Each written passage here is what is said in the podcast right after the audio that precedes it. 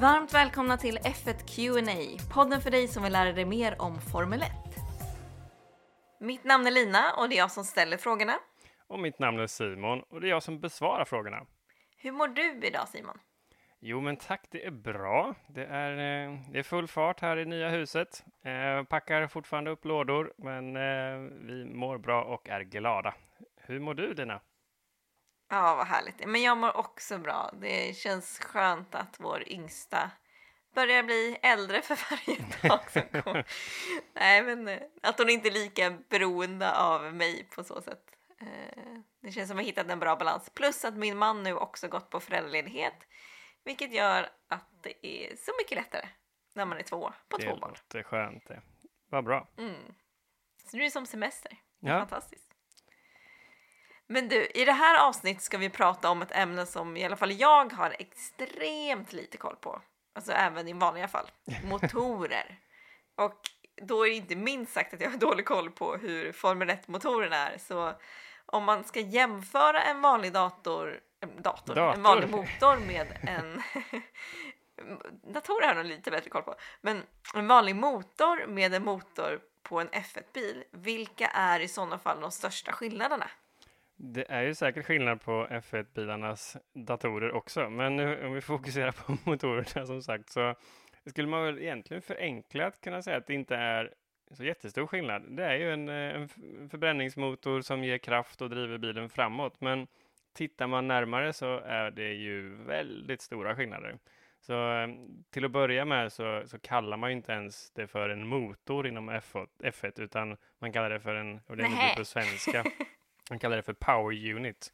Engelska för motor är väl Okej. engine, men här är liksom en, eh, en kraftenhet eftersom att kraften som produceras kommer från så många olika tekniker. Man har både förbränningsmotorn som är liksom den klassiska motorn, men så har man ju en M- MGUK för kinesisk, kinetisk energi och sen en MGUH med den här värmeväxlaren och sen har man ju batterier och annan teknik som sammanlagt då hela det här kallas för en power unit och är ju kanske det man i då lekmannatermer skulle säga är motorn. Men tittar man på lite så här... vänta lite, jag, bara, jag hann börja tänka, vad menar han med kinesisk i- Nej, ja, jag, jag sa att- ah, kinetisk, nej. alltså eh, rörelseenergi som omvandlas till eh, energi som sen kan föra bilen framåt. Precis. Bra att du förtydligar. Nej, men tittar man på lite sådana här egenskaper som verkligen skiljer en, en vanlig motor eh, med en F1-motor, så eh, om vi då tittar på själva förbränningsmotorn då, så har vi ju otroligt mycket högre varvtal, alltså att motorn, den eh, vevaxeln snurrar väldigt mycket snabbare i bilen, så att en F1-motor varvar kanske 18-19 000 eh, varv per minut. Ehm, och det är faktiskt obegränsat just nu också i reglementet. Ehm, men det har historiskt begränsats snarare av reglementet än av eh, tekniken.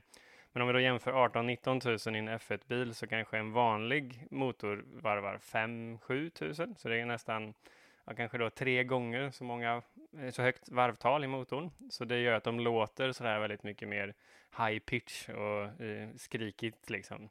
Um, men det ställer också väldigt mycket högre krav på motorns konstruktion, att det ska klara av att snurra så fort. Och sen låter ju en F1-motor. Det finns ju inte så mycket eh, samma regler och heller samma praktikalitetskrav som man har på sin vanliga bil. Jag tror att en eh, F1-motor kan låta uppåt 140 decibel. Och eh, enligt vad jag har läst i alla fall så får man grova hörselskador redan vid 85-90 decibel. Så man kan förstå att alla som jobbar i depån och sånt har ju hörselskydd på sig. och, och tittar man Just på... det, ehm, det förklarar saken. Ja, ser man bränsleförbrukning eh, mäter man det på lite andra sätt, men eh, försöker man konvertera det lite överslagsmässigt så drar väl en Formel 1-bil ungefär 8 liter per mil kanske, så det är ganska mycket mer bränsle som går åt också. De är väldigt effektiva i form av hur eh, mycket energi de får ut av bränslet, men det går ju de facto åt ganska mycket bränsle att köra så otroligt fort och extremt som de här motorerna gör. Och eh, Sen är ju vikt är ju också någonting, det kanske man inte, det ser man ju inte på tv, men eh, vikt är ju någonting som kostar väldigt mycket pengar att ta bort. Och vikten på hela det här motorpaketet är kanske 15 procent av vad motsvarande skulle väga i en personbil. Så det är liksom extremt lätt teknik, även om den är väldigt kraftfull. Oj, vad intressant. Alltså, då börjar man ju undra varför man inte tänka på det. Men det kanske är för dyrt i och för sig i vanliga personbilar, antar jag. Ja, ja men man, man tar ju faktiskt väldigt mycket ut av det som utvecklas i F1, men det kanske tar 10-20 år från att det kommer till F1 tills det har hunnit och kommersialiseras och eh, man har kommit på hur man kan tillverka det på billigare sätt och, och, och, få upp skalan och så vidare innan det faktiskt då finns i, i personbilar. Men många saker kommer från F1 och sen 10-20 år senare så finns det hos, i, i våra bilar i, i alla fall någon form. Ja, det är nog ett avsnitt för sig känner jag, för jag får genast massa, massa följdfrågor som jag antar att du kanske inte kan svara på just här och nu. Men, eller kanske kan. Ja. Men jag vill ändå veta, hur många hästkrafter har de jämfört med en vanlig bil? Mm, antalet hästkrafter de har, det är faktiskt någonting som teamen håller väldigt hemligt. Det är lite så konkurrensmässigt mellan teamen. Det är ingenting de behöver säga, så det säger de inte. Men man har ju man kan ju räkna på det. Man kan ju, om man är duktig på, på matte och har en, en klocka. och eh, man tror väl att dagens motorer genererar ungefär 1000 hästkrafter. Och eh, ser man på min bil här hemma så har väl den 100-150 kanske. Och eh, till saken hör väl att min bil väger eh, två, tre gånger så mycket, men har en tiondel så mycket effekt. Så att eh, då kan man börja förstå eh, hur otroligt mycket mer effekt per vikt som en F1-bil har än en vanlig bil. Ja, det är otroligt alltså. Men hur har utvecklingen sett ut under åren? Är det stora skillnader i tekniker och hästkrafter och allt med det? Ja, ja men man, man brukar dela in hela motor F1-delen i liksom olika perioder eller säsonger eh, där man har haft då reglementen som har satt eh, premisserna kring hur man får utveckla en motor. Eh, och man kan väl säga att teknikerna har ändrats väldigt mycket, men hästkrafterna har faktiskt varit, ah, de har inte ändrats lika mycket. Man har lyckats att ändå ha Eh, den här jättehöga effekten ändå under, eh, under ganska många år. Och tittar man bakåt nu då, så senast så kan man väl säga att det varit en motorperiod mellan 2014 eh, då man presenterade den här förändringen att man skulle göra eh, göra om från V8 till V6 och också minska motorn från 2,4 liter till 1,6 liter, alltså hur stor cylindervolym eh, totalt sett motorn har. Och att man skulle, förutom att gå från V8 till en mindre V6, addera både turbo och hybridteknik.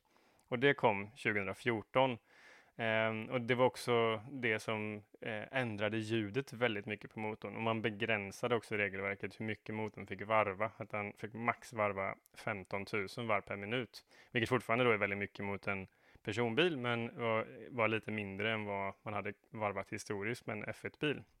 Och eh, men ser man hästkraftsmässigt i den här motorepoken som precis nu då har slutat så eh, så tror man väl att eh, i racetrim hade kanske en Mercan ungefär 900 hästar, men man, vet, man tror att Renault till exempel hade, de sa själva att de hade 1000 när de kval, hade kvaltrim på sin motor.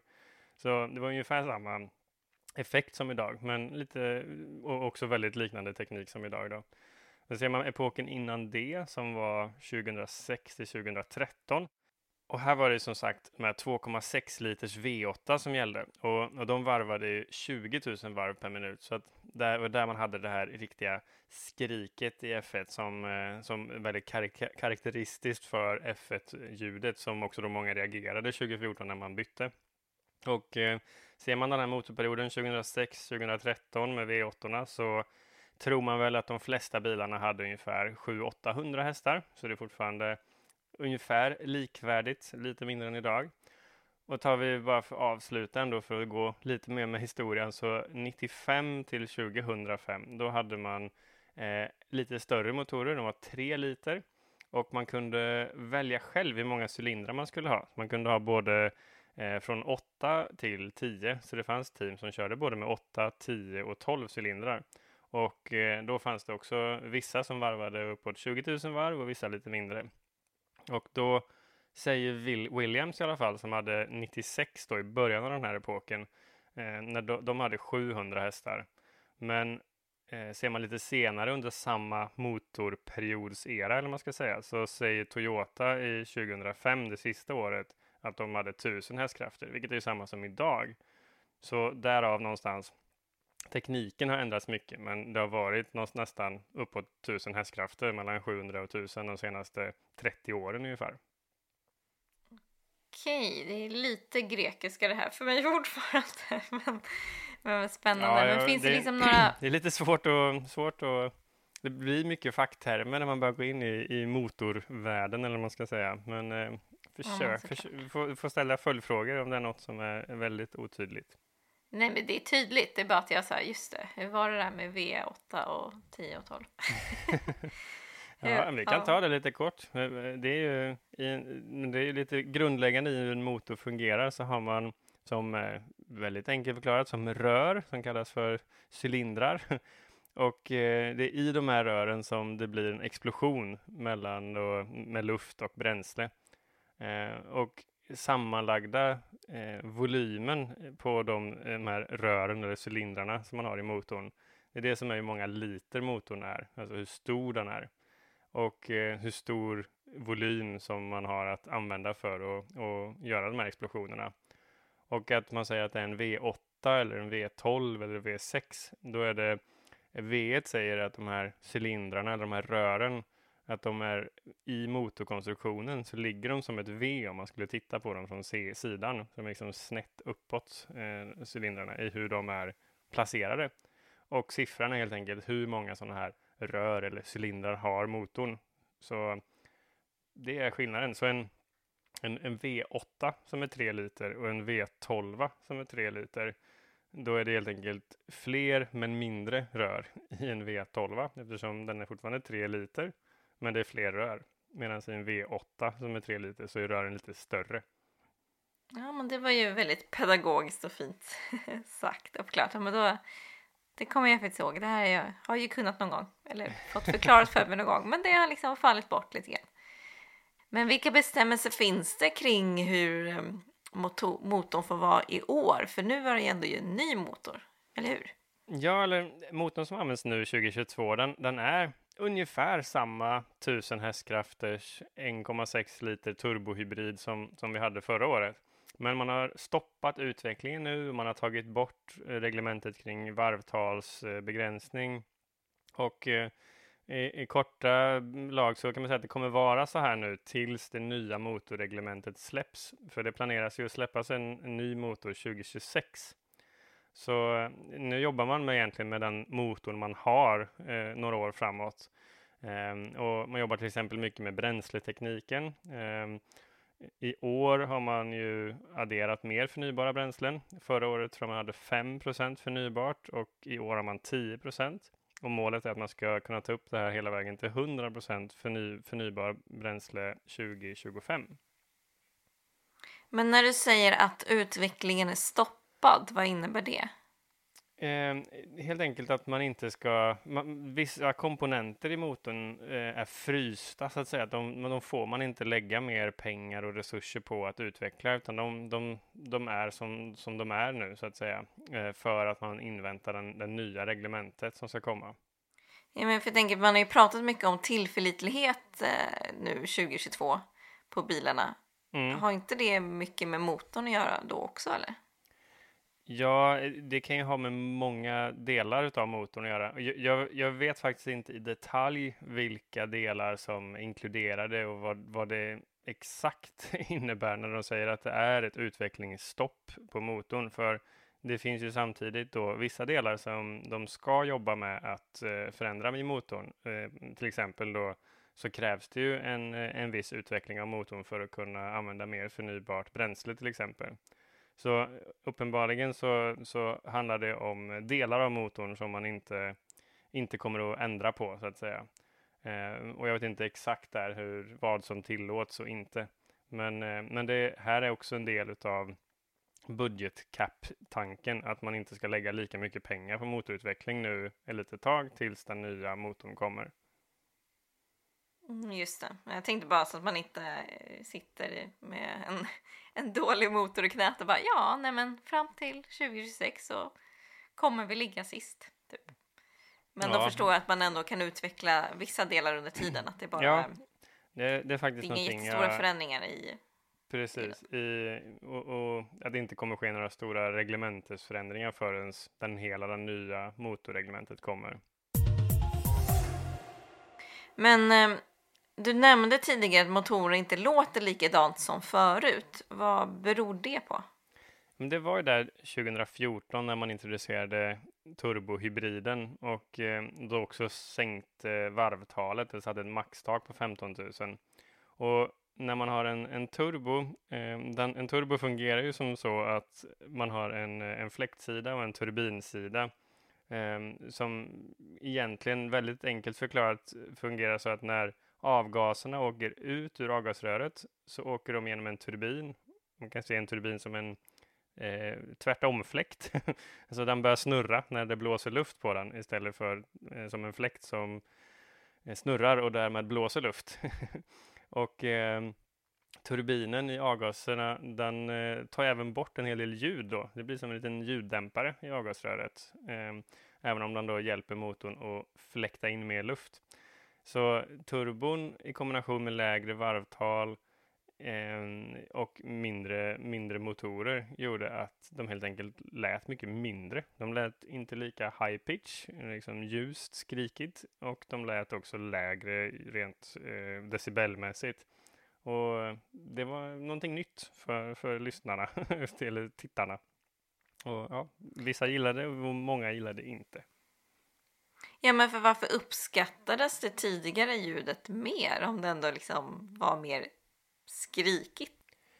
Nej, men det, det lät mer unikt och aggressivt med det här eh, high pitch ljudet egentligen. Och jag tror att de flesta fansen, de var ju vana med att det var så en F1-bil skulle låta. Och när man ändrade det till att det både lät med då lägre ljudvolym och att det var en eh, inte så här skrikigt och high pitch så tycker man inte det var lika spännande och subjektivt så tyckte folk att det var till det sämre för man, man ville ha den här eh, riktigt så öronbedövande ljudet när man lyssnade på eller tittade på F1 och hörde bilarna.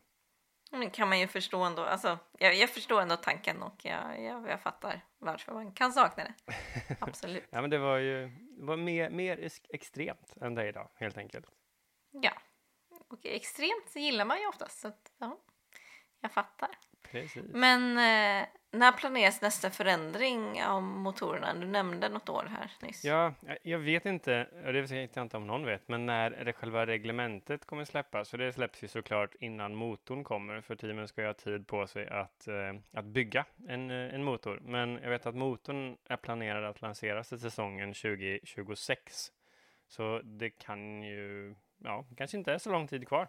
2022 nu. Jag vet inte hur lång tid de behöver för att designa en ny motor. Två år kanske? Tre? Vad tror du är rimligt, Lina? Ja, du frågar fel person. Men tre kanske? I don't know. Eh, men vilka motorleverantörer finns med i år? Nu 2022 så är det fyra stycken motorleverantörer. Vi har Mercedes som gör motor och sen Ferrari, Renault och Honda, vilket håller på och övergår till Red Bull Powertrains eftersom Honda drar sig ur och Red Bull köper Hondas eh, F1-motorproduktion eller vad man ska säga. Så de fyra. Just det, de ska börja göra egna motorer helt enkelt. Nu. Ja, men precis. Honda lämnar och Red Bull tar över Hondas eh, fabriker och personal och, och, så vidare och gör om det till sitt egna. Det är spännande att en sportdryck liksom gått från vara en sportdryck till att liksom göra allt det de gör. Det är häftigt. Väldigt coolt. Men gör teamen egna förhandlingar med motorleverantörer eller är det som med däcken i F1 att det, man kan ha en, liksom, en deal likt vad man har med Pirelli? Att nu ska alla köra på, nu finns det de här att välja mellan eller nu är det bara det här märket men, vi kör på. Nej, men det, det skiljer sig faktiskt, för, för varje team har enligt reglementet eget ansvar för att antingen bygga eller köpa in sin motor till F1-bilen. Så det är ingenting som eh, FIA bestämmer. Och det är ju sen också då sjukt dyrt att bygga en F1-motor. Så alla team har helt enkelt inte resurser nog eller inte råd helt enkelt att göra det. Eh, men om man har råd att bygga en egen motor så, så kan det såklart ge, ge fördelar för du kan ju designa den precis så som du tror att den är bäst för ditt team. Eh, men eh, om du inte bygger det så kan du shoppa så att säga. Då får du förhandla med Ferrari eller Mercedes eller Renault eller då Honda slash Red Bull och se vad du kan få köpa för typ av motor och vad den kostar och vilken du tror är bäst och så vidare. Men jag har också hört att eh, Porsche och Audi, eller Audi i och för sig, eh, är på ingång. Ja, ja kul att du också läst den. Det är ju, jag älskar ju Porsche, så jag tycker det är superrolig nyhet. Och det har, det har faktiskt ryktats och pratats ganska länge om att de kanske borde komma och så här, lite insiders som har sagt det. Men eh, det var nu ja, bara några veckor sedan här i maj 2022 så bekräftade Volkswagen-gruppen då, de som äger både Porsche och Audi och Volkswagen och massa andra märken att de kommer att joina F1 men de kommer att vänta tills det nya motorreglementet kommer. Så antar att vi borde väl se Porsche eller Audi eller om de heter båda i F1, det får vi se, men att de eh, börjar 2026 då. Alltså som team? Ja, det Nej. tror jag ju också eftersom de gör en motor skulle jag ju hoppas att ja. de är med som team Jag tänkte också. att det var bara motorn och tänkte vad tråkigt. Det var kul om de är med som team, men vad spännande. Det kanske är team också. Ja, det kul, tror jag. I sådana fall. Jag tror det. Ja, vi håller tummarna. Det hade varit härligt. Ja, ja det vore mm. superkul ju. Jag jobbar ju ändå lite med Porsche så att ja. De vill ju vänta så att de har samma förutsättningar eh, rent motormässigt som alla andra. Så att just skulle de börja nu så har ju de andra hållit på att utveckla den här motorn i många, många år. Medan om de då börjar samtidigt som alla andra får eh, reglementet för nya motorn så kommer de ju ha precis samma förutsättningar som alla andra att bygga den bästa motorn. Det låter ju faktiskt väldigt rimligt. Men ja. vad kostar det att tillverka en motor? Ja, eh, jag har faktiskt försökt att googla lite, men det är ingen som verkar veta exakt hur mycket det kostar. För klart, väldigt mycket av den här kostnaden är ju inte att själva liksom bygga motorn, utan det är ju att, att forska liksom på teknikerna och eh, laborera kring vad som kan funka. Men eh, man kanske kan få någon hint när man ser vad de kostar att köpa. och ehm, man tror väl att eh, med den nuvarande motortekniken eh, så kostar en F1-motor ungefär 150 miljoner kronor att köpa. Så det är sjukt dyrt. Inga billiga grejer. Yeah. Och eh, 150 miljoner är ju en ganska stor del av kostnaden för en hel F1-bil också. Man tror väl att en F1-bil som helhet kostar ungefär 200 miljoner kronor. Så det är ju alltså 75 procent av eh, kostnaden ungefär är motorn, så den är ju ja, den är, den är värdefull. Så man kan också förstå hur mycket det kostar när man totalkrockar en bil, om den kostar 200 miljoner. aj, aj, aj. Ja, då har man lite mer perspektiv på när det åker in bilar i Sverige och allt, vad det har, allt som har med det att göra. Men eh, vi har nuddat vid det här förut, men Finns det regler på hur många motorer man får byta under en säsong? Och eh, ja, du kan väl berätta varför? Ja, och vad det är som gäller i sådana fall? Ja, men det, det, finns regler och eh, jag tror inte de har ändrats från förra året. För, och förra året var det i alla fall att man fick ha, de delar in hela den här ehm, eh, power unit i de här olika komponenterna eh, så att du får ha tre stycken, får byta eh, förbränningsmotorn, det som mm, är, kallas för motor egentligen. Eh, du får ha tre sådana på en säsong, men du får också bara ha tre turbos. Eh, och du får ha tre sådana här MGUK, alltså kinetisk energi. Du får bara byta Energy Store eh, två, två, gånger och den här själva kontrollelektroniken får också bara byta två. Och om man eh, byter de här fler än de här eh, antalet som är i reglementet, då får man ju då helt enkelt någon form av bestraffning. Kan du ge något exempel på en sådan bestraffning? Ja, ja men man, man kan få starta från depån istället för den platsen man har kvalat till exempel, om man byter, eh, byter däremellan. Eller man kan få någon form av nedflyttning i startposition eh, eller få starta sist. Eller, jag, jag, jag tror det är lite olika beroende på exakt vad, när och hur du byter de här sakerna. Eh, men det är ju i regel någon form av nedflyttning som är bestraffningen. Ja, Okej, okay. ja men då hänger jag med. Tack Simon! Jag känner att du har lärt mig massa nytt. Jag hoppas också att du som lyssnar fått med dig någonting. Jag, eh, det här var ju verkligen ett ämne som jag inte har bra koll på och fortfarande känner att jag kanske behöver kanske får göra ett till avsnitt och ställa ännu fler frågor för att det finns mycket att lära här känner jag. jag Om man inte har så bra grund i hur motorer funkar. Jag tycker jag. ju motorer är väldigt roligt även utanför F1 så vi kan gärna prata mer om, om motorer. det, det ja. Gick inte du något sånt på gymnasiet förresten? Ja, det var om jetmotorer, flygmotorer. Men äh, ja, jag... Med motorer? Ja, exakt. Men jag har läst mycket I om mitt, turbos i, i, mina dagar. det är roligt. Ja, men precis. Du är ändå rätt person att fråga då. Det finns många som kan mycket mer, men jag, jag kan eh, lite i alla fall. men du är så... det är fint att du är så liksom, ödmjuk Simon, men du, du kan faktiskt mycket. Du... Beror på vad man jämför med, men tack Lina. ja, såklart. Men eh, vi rundar av podden så här då, så um, eh, får du som lyssnar fortsätta ställa frågor till oss på sociala medier. Där heter vi F1QNA. Och vi finns både på Instagram och Twitter. Så jag får önska både dig som lyssnar och dig Simon en eh, härlig vecka så hörs vi igen om, om en vecka. Ganska precis. Tusen tack. Så. Ha det så bra. Detsamma. Hej hej! Hej då!